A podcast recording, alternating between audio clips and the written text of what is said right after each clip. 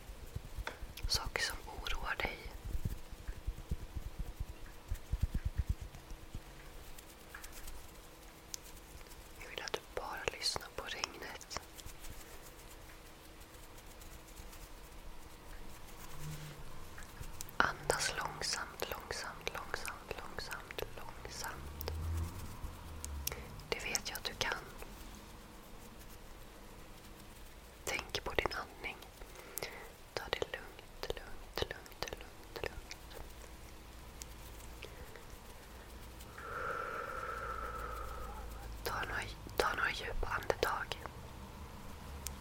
Andas in.